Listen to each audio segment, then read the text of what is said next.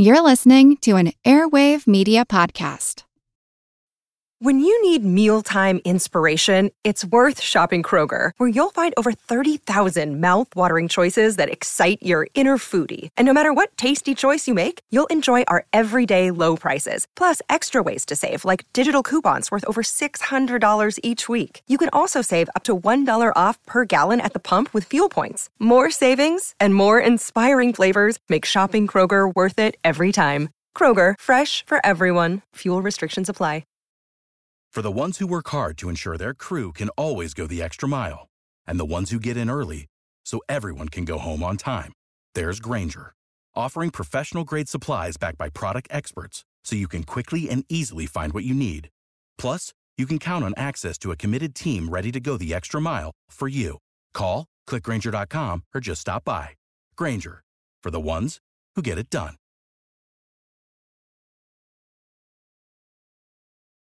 This is Kick Ass News. I'm Ben Mathis. Today's episode is sponsored by Nadex. Imagine if you could choose your maximum risk and reward up front. That way, you could try day trading the markets without worrying about the risk. Well, luckily, you can with binary options on Nadex. Trade global stock indexes, commodities, forex, even economic numbers, all from one account and always with limited risk. See why over 100,000 members choose Nadex. Find out more at nadex.com.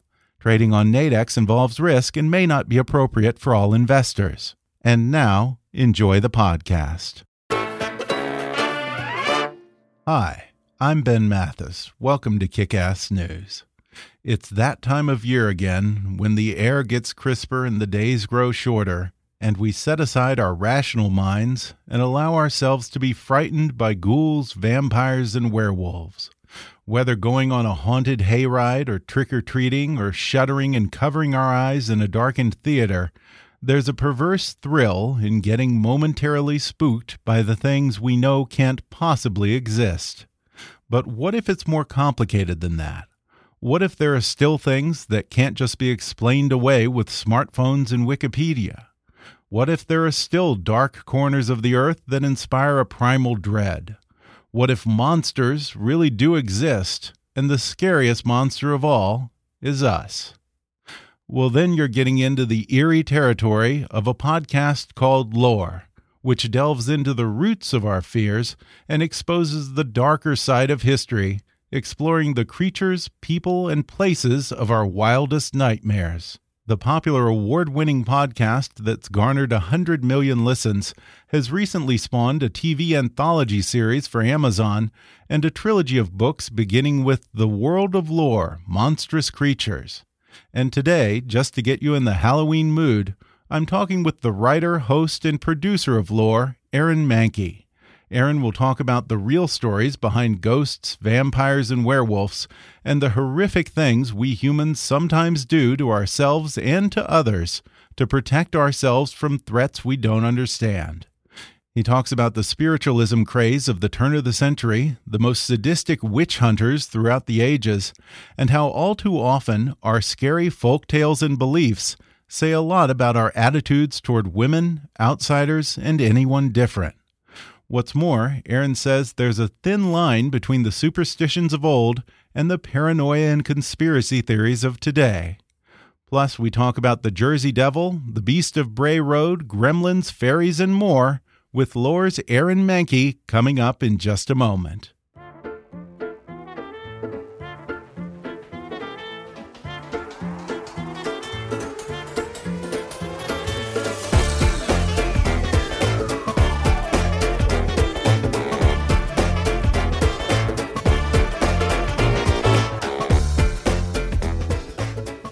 Aaron Mahnke is the creator and host of the popular Lore podcast, which as of this month also includes a Lore original television series for Amazon and a brand new book called The World of Lore Monstrous Creatures. Aaron, thanks for coming on the podcast. Thanks for having me on. Well, Aaron, I have to confess that I'm relatively new to lore. I only started listening to the podcast after I saw Amazon was doing this anthology series a couple of months ago, but I'm definitely hooked now. And I think one of the reasons I was such a latecomer is because so many had mischaracterized lore as a horror podcast, which I don't think really does it justice. You describe it as a podcast about dark history. What kind of subjects fit under the umbrella of dark history? Yeah, I, I sort of chafe under that uh, that horror label. It's not intended to be frightening. It's more an interest in those historical events in the past, whether it's a, a person or an event, uh, maybe a location. Um, you know, those events in the past that just sort of defy the normal expectations we have for history, and they often are a little bit on the darker side. You know, uh, whether it's unusual, frightening sightings or serial killers that you know have given birth to certain stereotypes or archetypes of the horror genre. But yeah, I, I sort of avoid that horror label if I can. Were you a creepy kid growing up? Where did your interest in scary stories and dark history originate? As best as I can tell, uh, I, I think it goes back to fifth grade for me. Um, I, I, it was the year that I was sent home with one of those Scholastic Readers Club catalogs. You remember those the the yeah. color newsprint things?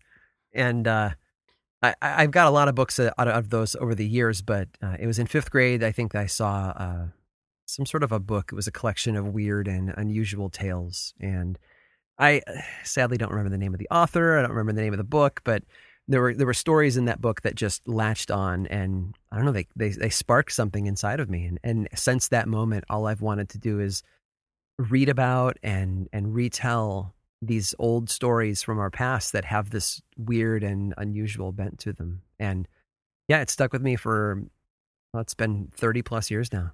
Uh, how much digging do you have to do when you're researching these stories? I'm assuming that sometimes you're dealing with old newspaper accounts or even stories that may have been passed down verbally. Perhaps they're not always digitally archived or Googleable, I'm assuming. Well, you know, what I've discovered is that every episode is just slightly different. It's almost like a, a built in you know variety for my research process. So yeah, some episodes if they're more of a local tale, you know, something like uh, Mothman, which is a more common and well-known legend today, but but at the time it mm-hmm. was a very local event. You know, that's something where you really need to dig into local newspapers and um, you know testimony from people who saw things and and then on the other side of the coin you've got you know more global phenomena like like werewolves or vampires and Mm-hmm. You know, it mm-hmm. seems to be a very widespread of stories that pop out. And so every episode I sit down to research, it's just a matter of trying to figure out what the best path is for that particular topic and then going as deep as I can. I understand that you live on Boston's North Shore, not far from Salem, the heart of New England, H.P. Lovecraft territory, Stephen King as well. Did you purposely choose to settle in a place with a lot of dark history? no, um, that'd have been a little bit too uh, um, I don't know if cliche is the right word, but um, uh, no, it's just it's where I ended up, and uh, you know, very very fortuitous. You know, living in Lovecraft County here, um, which isn't the county's real name, but you know, the the area that I live, all of the cities are where Lovecraft grabbed his his geography from and, and kind of relabeled it, and uh, of course, with Salem nearby, uh, with we know with its witch history and um, the industry that exists today around it. It's it's pretty neat to live in this area. Plus, it's just I mean, it's old New England, right? It's moody. It's it's full of character. It's got a lot of story. Yeah, and so many of these stories take place in this sweet spot between colonial and mid 19th century America when we seem to be sort of in limbo, having one foot in the old world with all of these old European superstitions and monsters, and another foot in the new world with its promise of enlightenment and industrialization but at the same time, new unknowns and new fears of things like science run amok, big cities, and the machine age. Well, you know, I think scary stories work really well anywhere there are questions that don't have answers. And certainly, you know, the time mm -hmm. periods you're talking about, the, you know, anywhere from the mid 1600s up through the, the late 1800s, you know, it was a time where at various stages we really thought we had it all figured out, but there was there was always that that gap. There was always you know a, a hole in our knowledge, our collective knowledge, and uh, you know especially when you come to a place like New England, you know three or four hundred years ago, where it was sort of the first melting pot of cultures on you know the, the, the North American continent, where you had all of these different European peoples coming over and then interacting with Native Americans who had been here for you know ten thousand years or more, and um, you know the tales that spring up out of that are just amazing, and uh, and there's there's a lot of cultural variances. And it's not a linear progression away from these old beliefs either. We seem to sort of repeat these cycles, turning away from superstition to science and then retreating back to the old ideas and primal fears over and over again. I think a good example of this is the spiritualism craze around the turn of the century. Here we are making all kinds of advances in science and medicine. It's the dawn of the American century, and hundreds of thousands of people, maybe even millions, choose to believe in ghosts and are desperate to connect to the other side. In fact, you even have celebrities like Sir Arthur Conan Doyle and Harry Houdini getting in on it.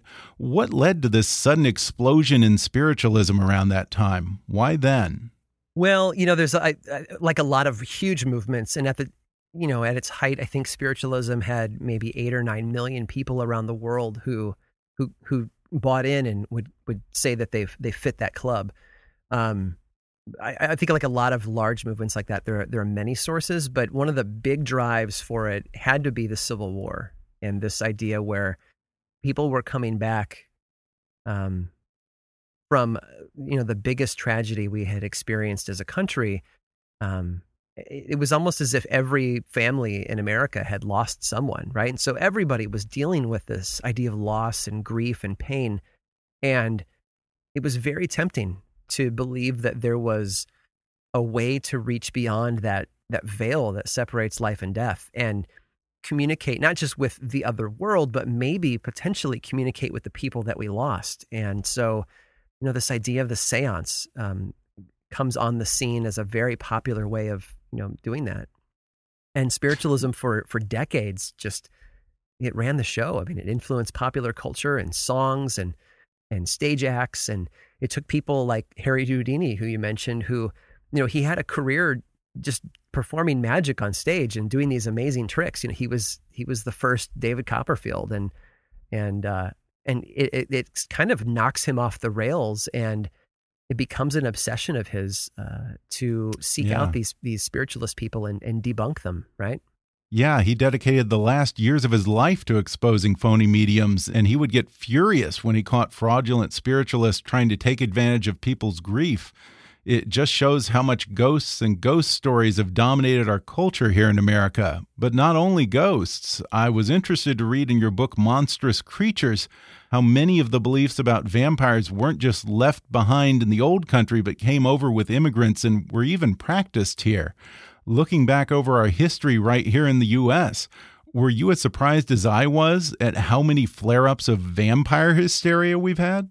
Yeah, you know, vampires across the last few hundred years have they've, they've almost been like bell bottoms. You know, they they come back in some new weird form every now and then, and uh, you know, the European, especially the Eastern European things, Romania, uh, Hungary. Th- those were those were very different stories than what we are used to, and some of the elements uh, have kind of migrated over, but a lot of the the American vampire stories are just very unique in in this mix. We've been able to figure out through some research for the the TV show and you know my work over the last couple of years that uh, these these New England vampire um, incidences that took place for about a century from the late 1700s to the late 1800s um, were rooted in some part in some German folklore as well. And uh, you know, it's it's just been interesting to see it all come together. But it's you know, you no matter where you go, there's always a story about the undead who come back to feed on the living, and I don't know why, but it's it's a global fear. It is, and I think one of the most amazing stories in here is about uh, a farmer who had a son who was dying of tuberculosis so a vampire hunter talks him into digging up the corpse of his daughter. They then cut out her heart and liver, burn them, and then mix the ashes into some sort of potion that this farmer then feeds to his son, as if cannibalism was supposed to cure him. And of course, later he dies anyway. Yeah. So, um, I mean, for context, and, and that's essentially what I do is I, I tell stories with context. You know, I, I mm -hmm. provide the historical details that back up or or inform weird moments like that, you know. And you're talking about Mercy Brown, this this young woman in yeah. 1890s uh, Exeter, Rhode Island, and uh, you know the common folklore at the time, and this was thanks to some Germans who came over. If you think back, the the American Revolution was between the British and the English, but um, you know, we had allies and they had allies, and the British were hiring German mercenaries to come in and fight for them. And those German mercenaries Right. brought uh, their own doctors with them. And uh, German physicians at the time in the, the late six, 1700s adhered to this idea from this German doctor named George Stahl that had to do with you know, where the soul lived in the body. And uh, he had some you know unique ideas about that and, and obviously the heart becomes central to the conversation but also th- this idea that if if the if a person died in an unusual way you know if they were murdered or suicide or uh, you know tragic illness that sometimes um, their soul can get trapped in their body and from the grave it almost becomes demon like and feeds on the people who are still living. And so um, what happened is those doctors came over with the German mercenaries, and after the war was over, they kind of stuck around and uh, traveled the uh, the New England area, helping villages out with medical needs, which was admirable and useful, but passed along some of these, you know, like twisted bits of medical science, and uh, you know, that you you get to the point where in 1892 or 1893, you've you know George Brown's daughter Mercy dies, and she's the third in his family to pass away, and now his son is sick, and uh, they don't really understand what's going on. So um, they do this thing that George Stahl had, you know, proposed, which is called a therapeutic exhumation. You dig up the dead, you look for the one that's uh, more preserved than the rest, and that's the one that's possibly feeding on the living, and then you you cut out the heart and you burn it. Right. And it's amazing to think that this was happening in America at the very end of the 19th century. That's a decade or two after Louis Pasteur made breakthroughs in how we understand and treat diseases. Yeah, well, and not just happening then. I mean, you think about all that's going on in the 1890s. You've got these world fairs and exhibitions and Yeah. huge advancements in, in science and society. But at the same time, just miles away from Exeter is is Newport, Rhode Island. You know, you think of this, you know, summer community where all these massive mansions are built by the wealthy and the elite, and right in their right in their backyard, you've got these people digging up the dead and cutting out hearts and burning them. It's Yeah. um, it's quite a contrast. It is. And even later than that, you have actual werewolf sightings late into the 20th century here. You talk about the Beast of Bray Road, which was some kind of wolf like creature that kept popping up in Wisconsin in the late 1980s. I mean, it's hard to imagine us still believing in werewolves, but apparently these folks clearly thought they saw something. Yeah, you know, a lot of the stories, I mean, it's the pure stories that get disbelieved the most. You talk about the Mhm. pure werewolf tale of, you know, a person who turns into a wolf and then only on the full moon and kills people and then changes back. You know, the, the Stephen King uh, sort of uh, Yeah. sort of story. Th- those those get disbelieved a lot sooner, but you go up into Wisconsin and you've got these tales that are sort of mingled with really ancient Native American folklore about you know enormous, almost human-sized wolves and dogs, and um, you know then you get strange sightings in the woods, and and stories crop up, and and people have had some really weird encounters with things they just can't put a name to or an answer to, and yeah, sometimes it's just easy to grab onto that werewolf thing and and use it. And speaking of these sort of cryptozoological creatures, I think one of my favorite strange legends has always been that of the Jersey Devil, by which I don't mean Snooki or Chris Christie. I'm talking about this weird creature that was described as some kind of strange sort of Frankenstein amalgam of different animal parts. I think it would take a lot of imagination to invent a monster like this, and yet hundreds of sightings were reported, right? That I mean, that's the that's the bizarre thing about it. When you think of what will people imagine if they want to make up a story and pass it around, and they tend to veer toward the simple. And hmm i- instead, you get this creature that I mean, it's described as having the head of a deer and and the wings of a large bird, but maybe a large bat, and you know, just a weird elongated body. It's very it's very unique and Yeah. hard to imagine that people just made this up to talk about it, but you know that's what folklore is like. It has a way of of adapting and mutating over time. Right, and it, and it takes a lot of reverse engineering to get back to the root of these legends. Uh, what was the origin story of the Jersey Devil? Wasn't it something like a woman gave birth and cursed the baby or something like that? There there's a story from um maybe 300 years ago uh there's a and, and it's one of those stories just like a lot of folklore where there are multiple variations of it and some of the names and places change but essentially a woman who potentially dabbled in witchcraft or maybe she was uh, the lover of like the colonial lover of a British soldier and so there was some some traitorous things going on there uh, gave birth to a child, uh, uh apparently her 13th child, and uh, she cursed it before it was even born. And the, uh, the story says that you know the child was born and then sprouted wings and flew up the chimney, and that was it. And that's that's supposedly the you know the the creature that stuck around for about three centuries, terrorizing people. Boy, talk about empty nest syndrome. I know, right? We're going to take a quick break, and then I'll have more with Lore's Aaron Mahnke when we come back in just a minute.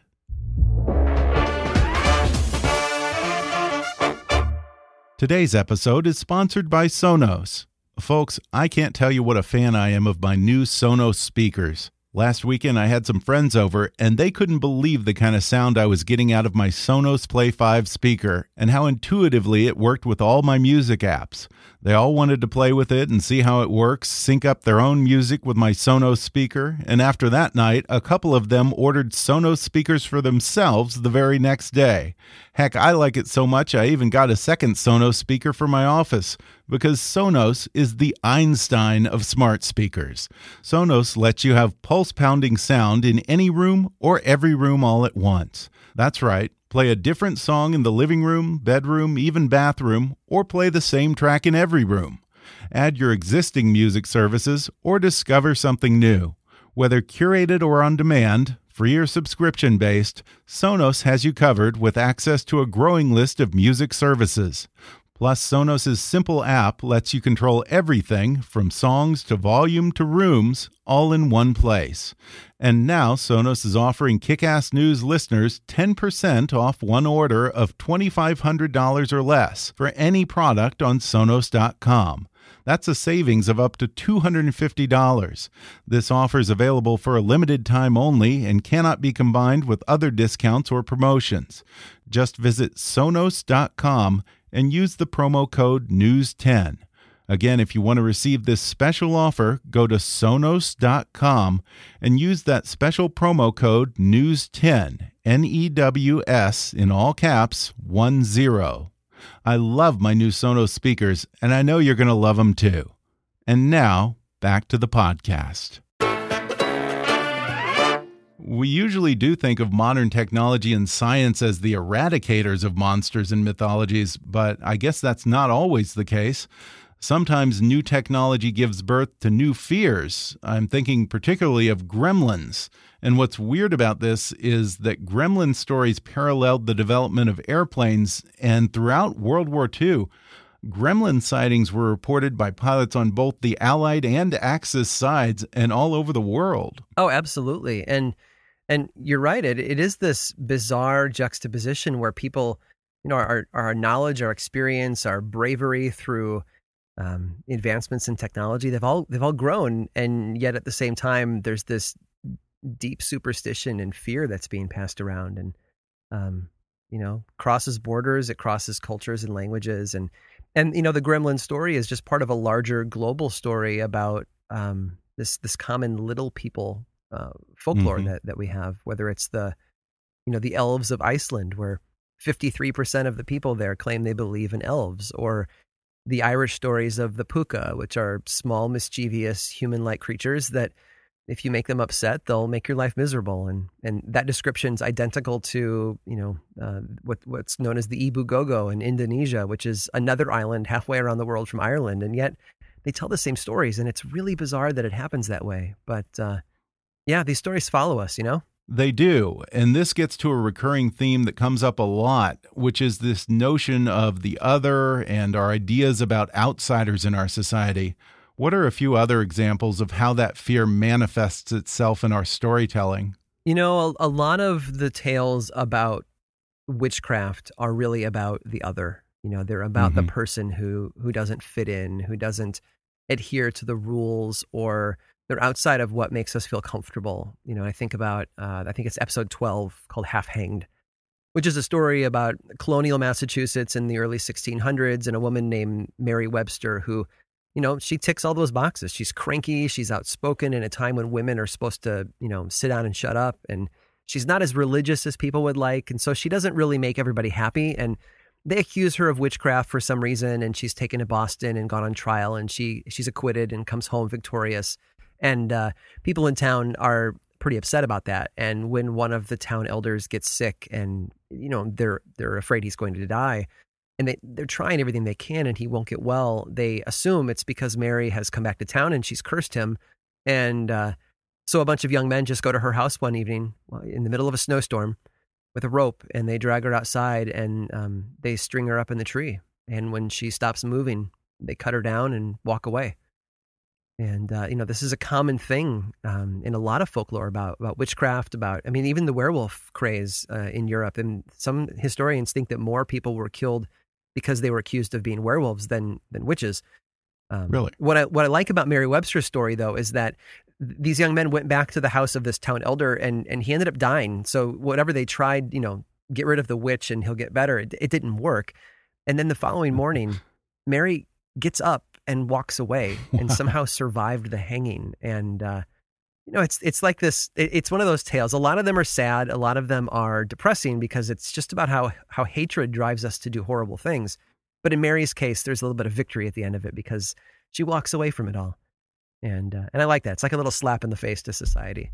Of course, she goes on to you know have a line of descendants, and and one of her modern descendants is uh, is Margaret Atwood, who is yeah. the creator of you know The Handmaid's Tale, and you know this this show that you know like her like her namesake and you know like this ancestor, she's she's in the society today slapping us in the face again and and I like that. Yeah, it, it, does seem that so many of these tales revolve around gender roles and what happens when a woman breaks them. In fact, I think a subheading to lore could easily be poor put upon women and the stupid things guys do to them. Yeah, absolutely, absolutely. And you know, it's it's an example of you give a bunch of white men power and and um, bad things happen. You know. Yeah. Um, but uh, we've moved on from that. We're so much better in our society today. So right, I, right, I feel, of course. One story that certainly illustrates this, and I think for me it must be the most insane story of all, is the one of an Irish woman named Bridget Cleary. Tell us about her fate. Yeah, so Bridget Cleary grew up in an era that was kind of, again, like Mercy Brown's story in the 1890s. Same era. I think it was 1897 for Bridget's story, where, you know, you're on that cusp of the old world and the new world. And, uh, you know, one of the common beliefs of old Ireland was this idea that the elves could come and, and take your loved one and when they did, they would replace the loved one with a duplicate that that wasn't really your loved one, but you often couldn't tell. And uh, they called them changelings. Uh, and these changelings would kind of exist in the old person's role, but because they behave differently, they you know they would stand out. And so it became this this way of explaining things like why your baby was colicky and, and cried through the night. Mm-hmm. All of a mm-hmm. sudden, when it had had months and months of, of not doing that, well, the logical reason, of course, is that the elves took your baby and replaced it with a, a less well-behaved changeling, or you know, if a if a woman's husband is kind and loving for the first year of their marriage, and then he transforms into a monster, yeah, you know, metaphorically speaking, and you know he's angry all the time and shouts, and well, his personality changed because he, it's not really him anymore; it's a changeling. So Bridget was one of these women who got sick. Um, she'd been out in the rain and um, she was in a marriage that was a little tense at the time. She was very successful with the two businesses that she was running on her own. Her husband wasn't as successful, and it was a point of pride, you know, for the man to provide for his family, and uh, and he wasn't able to. And and so when she got sick and and really started to to change personality wise, he just assumed that she was a changeling and and that led him and and the immediate family and friends to some pretty drastic uh, steps. Really, you think burning your wife alive in a fireplace is drastic? Yeah, yeah. I mean, that's pretty drastic, right? You Just know, push bit. your wife into the fire, and and uh, the, the the belief was that if the changeling was burned, that the elves would recognize the error of their ways, right, and send the wife yeah. home and uh, send the person home, and I think the, the, common belief in that time was that um, the person would would ride back from one of the local fairy rings, which was you know they were essentially the remnants of old Iron Age forts, but they they called them fairy rings, and and you know Michael Cleary just assumed that Bridget would ride back on a horse dressed in white and, and grabbed a knife and headed out to the to the fairy ring to meet her and and cut her binds, and uh, she never showed up. Right. I think he eventually got out of prison. It's just remarkable what fear can drive us to do to others, and so often even to the people we love the most.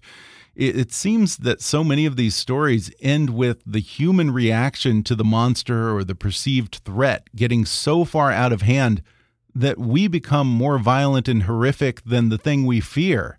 Is there a running theme here that perhaps ordinary humans are the scariest monster of all? Absolutely. I mean, part of it has to do with trust and assumption, right? We assume that monsters are mm -hmm. bad and we won't trust them. You know, a werewolf is something that will lock the door and, and, and fight off. But I think it's a lot more frightening to realize that the person who lives in the house with you or the person who's in the apartment above you might potentially be just as uh, violent or, or or broken. And so, yeah, the, it's it's humans that end up being the monsters we fear the most. Does it ever make you at all cynical about people when you read in story after story about what horrible things ordinary human beings are capable of doing to each other? Well, I, I can be a little cynical about humanity as a whole. you know, I mean, we've had centuries and centuries to learn things. Um, eh, back again to the idea of the other, you know, you talk about uh, Matthew Hopkins in the 1640s English Civil War era and how he traveled around and was responsible for the the trial and execution of over 150 people for witchcraft, uh, just about as much or more as the entire century before him. And uh, he was a busy guy, and he did it all because of hatred for what he perceived to be heresy and and uh, devil worship, and um, and you know it's easy to walk away from that and think four centuries is an awful long time, and we've we've certainly got better than that, and we don't you know, we don't burn or or hang people for witchcraft anymore, but we've just we've just shifted what the other is, I think, and uh, you know, just have to mm-hmm. open up CNN.com or or you know a, a newspaper and and see that we're still we're still you know hunting people uh, for not being like us, and it's it's a shame. So um, uh, that that's on the general level. On the specific level, I look at the people around me and I have a lot of faith. You know, there's a lot of good people out there, and mm-hmm you know, we, we I think you know the idea of resistance is is prevalent in our culture in the last year or so. But I think this idea of resisting is is yeah. always important. Just that there's human nature and there's human tendency, and then there's there's trying to be better and trying to rise above that and and resist. And and so we you know we keep plugging away. Well, we want to believe as a society that we're above the kind of paranoia that breeds witch hunts and leads people to dig up and decapitate corpses. But with the modern barrage of conspiracy theories and disinformation on the internet and the Alex Joneses of the world spreading fear of new boogeymen, whether it's our own government or immigrants or vaccinations, is it easy to imagine that same kind of hysteria taking a different but equally destructive form in the 21st century? I mean, I think it's safe to say it already has. You know, mm -hmm. look at the people that were accused of witchcraft in the 1600s, and the common thing is that they they weren't as religious as people wanted them to be. They didn't toe the line. Um, a lot of them tended to work as midwives, uh, work in herbs and uh, you know homemade remedies and medicines, and some of that was seen as a dark art when it was just a different way of doing things. It was it was uh, it was another approach to life, and and so these women who you know were different, and they behaved differently, were were treated as if they were the enemy and and then you know blanket statement. If you found out that your neighbor was growing herbs to treat women who were in labor um, then your first assumption was that she was a witch. And then you know you fast forward four centuries and you know what do people do when they find out that their neighbors are you know of arab descent or that they have you know mm-hmm. muslim parents at the school? And i think a lot of people still make that that blanket statement leap or assumption that well, they've probably got a you know a, bomb vest on underneath their coat, and eh, you know it's it's I think it's part of our nature that we just assume that everyone who fits a label eh, you know gets all of those bad qualities but it's it's not true. And yet we you know we still go on the witch hunts right? Seems like it. Well i have to ask when it comes to these supernatural stories superstitions the unseen world do you consider yourself a believer or a skeptic well, so I, you know, I think it's important when you tell a story to make sure that if it has sides, right? To you know, to mm-hmm. if there's a a pro or a con, or if there's a belief and a disbelief, it's important to come down right in the middle so that people don't feel like you're pushing them to one side or the other. Um, but but that they get to make their own minds up, and so I try to present these stories in a way that gets the facts out, gets the stories out. Um, I tell people what other people firmly believe they've heard, and then I let them I let them process that on their own. You know, the questions that I want to answer are they have more to do with humanity, right? Why why mm-hmm. would we have done that thing, or why would people have believed that particular story? Um, and I think that's worth worth uh, tackling. Mm-hmm. In your research into dark history and these mysterious tales, have you run across a story that's been verified, lots of witnesses, but simply defies explanation and perhaps even makes you question your logical brain? Well, I think going back to something like the Jersey Devil, I think a lot of the creature stories, you know, because we we've explored so much of the world and we have gotten so good at classifying and labeling and you know putting putting everything in order that to believe that there are these things out there, whether they're they're one-off remnants of some offshoot species or they're you know they're random sightings of uh, just a small population of some unknown creature. It, it, they're really difficult to believe, um, but mm-hmm. but the sightings happen, right? And they happen over you know sometimes long periods of time. The Jersey Devil was about three centuries worth of sightings and experiences, and it's it's kind of hard to say off the top no, that, that can't be true. Like you have to at least say they are telling stories. They're consistent. They're um, they don't go away. And, and why is that? And let's explore that. So yeah, I think the I think those people call them cryptids or you know these unknown, undiscovered creatures. Those are the ones that really um, make me scratch my head a little bit. How about in your own life? Have you ever seen something you couldn't explain? No, I've I've I think I've lived a pretty boring life when it comes to that, and maybe that's why I'm able to go into this with a bit of an you know a, a neutral position. I I you know I, I don't walk yeah. into it as a believer or or an non-believer. I just walk into it as somebody who loves the story yeah. and wants to tell it, and I think that helps it mm-hmm. connect with more people in the end. Well, let me ask you this: What's your biggest fear? Um, you know, mine mine come down to some of the basics that a lot of people fear. Um, you know, open water for me, and I I live on the coast, so hmm. uh, it's a pretty ironic fear. But I'm I'm I'm a Midwestern boy by you know, by raising. And uh, there's something about being on a boat in water that's really deep that's uh, a little frightening to me.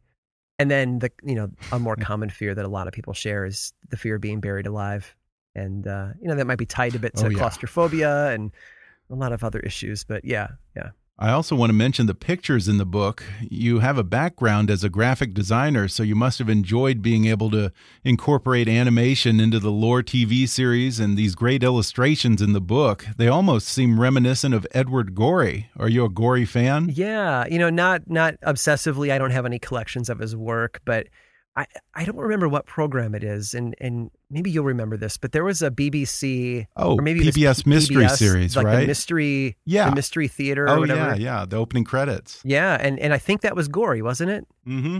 And that's Absolutely. like as a as a memory of my childhood, that's frozen in there uh, as as what if you're going to present spooky stories or something that's a little bit on the scary side, but also give it you know just enough lack of realism that it you're not completely frightened. Gorey was, mm-hmm. I think he was the master at that.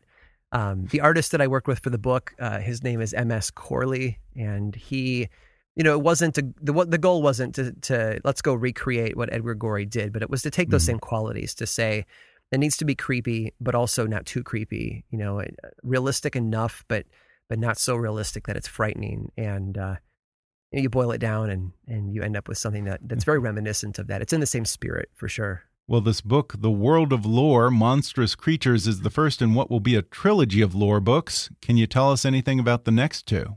Yeah. So, the idea with this was to take episodes from Lore, the podcast, um, plus additional material, and sort it, kind of sift it into three categories. And we all know the definition of a noun. A noun is any person, place, or thing and I thought I would just focus on nouns. So the first book is the things, right? It's the it's the creatures, the ghosts, the vampires, the werewolves. It's the the, the non-human entities in our world of folklore.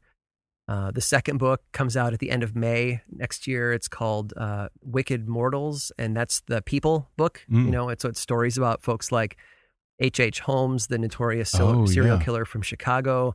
Uh, Mary Webster's story is in there. A lot of local legends about people, you know, whether they're key figures in the town or, you know, that cranky woman next door, you know, again, fitting that other archetype. Um, so the Wicked Mortals has a lot of the people stories in there. And then the last one is Places. It, it's called Dreadful Places. That'll be out next October um, if all the plans line up accordingly. And uh, yeah, that, those are stories that are sort of geographically based, um, whether it's the Stanley Hotel, which has some, you know, contributions to the, the book The Shining by Stephen King, Mm-hmm. um, or whether it's cities themselves like Richmond, Virginia, or New York City. Um, all of these geographic locations have a lot of great story to tell um, with their location as the root. So yeah, those are the kind of the three directions. And what I like about the books is that, you know, rather than you know on a podcast, people sometimes you know they hop around, but most of the time they listen in order, and so they they hear an Right. episode on elves from Iceland early on, and then you know months can go by, and then you get an episode on the Dover Demon or gremlins and all the stories of the little creatures they're there but they're they're spread out you Mhm. know you, you have a lot of time to to rinse your head put new story in there and forget the small details and so what the book does is it takes all the things but then it groups them together even more specifically and it puts all of the undead stories together and all of the little creature stories together so that when you read them and you read the gremlins and then you read the iceland elves all back to back all the little details that that are similar start to float to the surface in your mind and uh, and and the the power of that folklore just becomes that much more evident. So it's really Mm-hmm. it's a great way to present it. Yes, and in a similar way, the long form Amazon series also allows you to group similar tales together around a particular theme. I thought that they were all very well done, both visually and narratively. What's the word from Amazon on a second season? Uh, too early to say, Okay. but um, I, I will say that the reaction from fans and newcomers has been you know off the charts. It's amazing how people resonate with this mix of you know learning through some creative historical documentary, but also just watching and being thrilled by um, you know talented actors on the screen living out the scenes. It's extremely well done. You've got a lot of talent behind and in front of the camera on that show.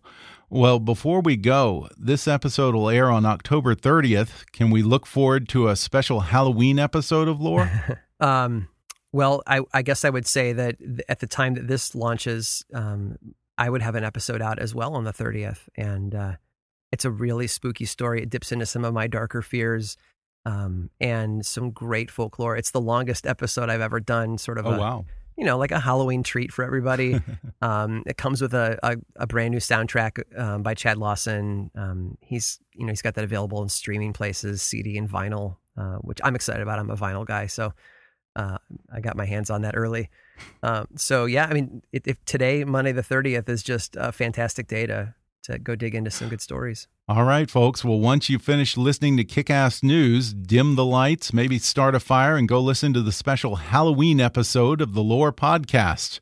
Definitely check out the six episode Lore television series on Amazon and Aaron Mahnke's new book called The World of Lore Monstrous Creatures. Spooky stuff. Aaron, thanks for talking with me, Thanks a lot. Thanks for having me. and happy Halloween. You too. Thanks again to Aaron Mahnke for coming on the podcast. Check out Lore on iTunes or wherever you listen to this podcast. Don't miss the Lore Amazon series available now, and order The World of Lore Monstrous Creatures on Amazon or download the audiobook on Audible. You can learn more about Lore and Aaron Mahnke at lorepodcast.com and aaronmahnke.com. That's Aaron with two A's, Mahnke, M A H N K E and follow both on Twitter at, at Lore Podcast and at A Mahnke. Today's episode was sponsored by Nadex. Imagine if you could choose your maximum risk and reward up front. That way, you could try day trading the markets without worrying about the risk. Well, luckily, you can with binary options on Nadex. Trade global stock indexes, commodities, forex, even economic numbers, all from one account and always with limited risk. See why over 100,000 members choose Nadex. Find out more at nadex.com. Trading on Nadex involves risk and may not be appropriate for all investors. We're also sponsored by Sonos. I was just telling you about my new Sonos speakers earlier during the break. I'm telling you, folks, these are the Einstein of smart speakers. I set up my Sonos Play 5 in the living room with zero hassle, no wiring to deal with, and within about five minutes, I was all set up with all my music accounts my Spotify, my Pandora, Apple Music, and I was enjoying all my favorite tunes. My amazing Sonos Play 5 speaker fills the room with crystal clear sound like never before. Whether curated or on demand, free or subscription based, Sonos has you covered with a growing list of music services in any room or every room all at once. And now, for a limited time, Sonos is offering Kick Ass News listeners 10% off one order of $2,500 or less for any product on Sonos.com. Just use the promo code NEWS10, that's N E W S in all caps, 10 at Sonos.com to receive this offer. One more time, Sonos.com and offer code NEWS10 for 10% off. Also, if you haven't already, be sure to subscribe to Kickass News on Apple Podcasts and rate and review us while you're there. And please take a moment to take our listener survey at podsurvey.com/kick so we can get to know who's listening and it's also helpful with our advertisers. Like us on Facebook and follow us on Twitter at, at KickassNewsPod. And as always, I welcome your comments, questions, and suggestions at comments at kickassnews.com. For now, though, I'm Ben Mathis, and thanks for listening to Kickass News.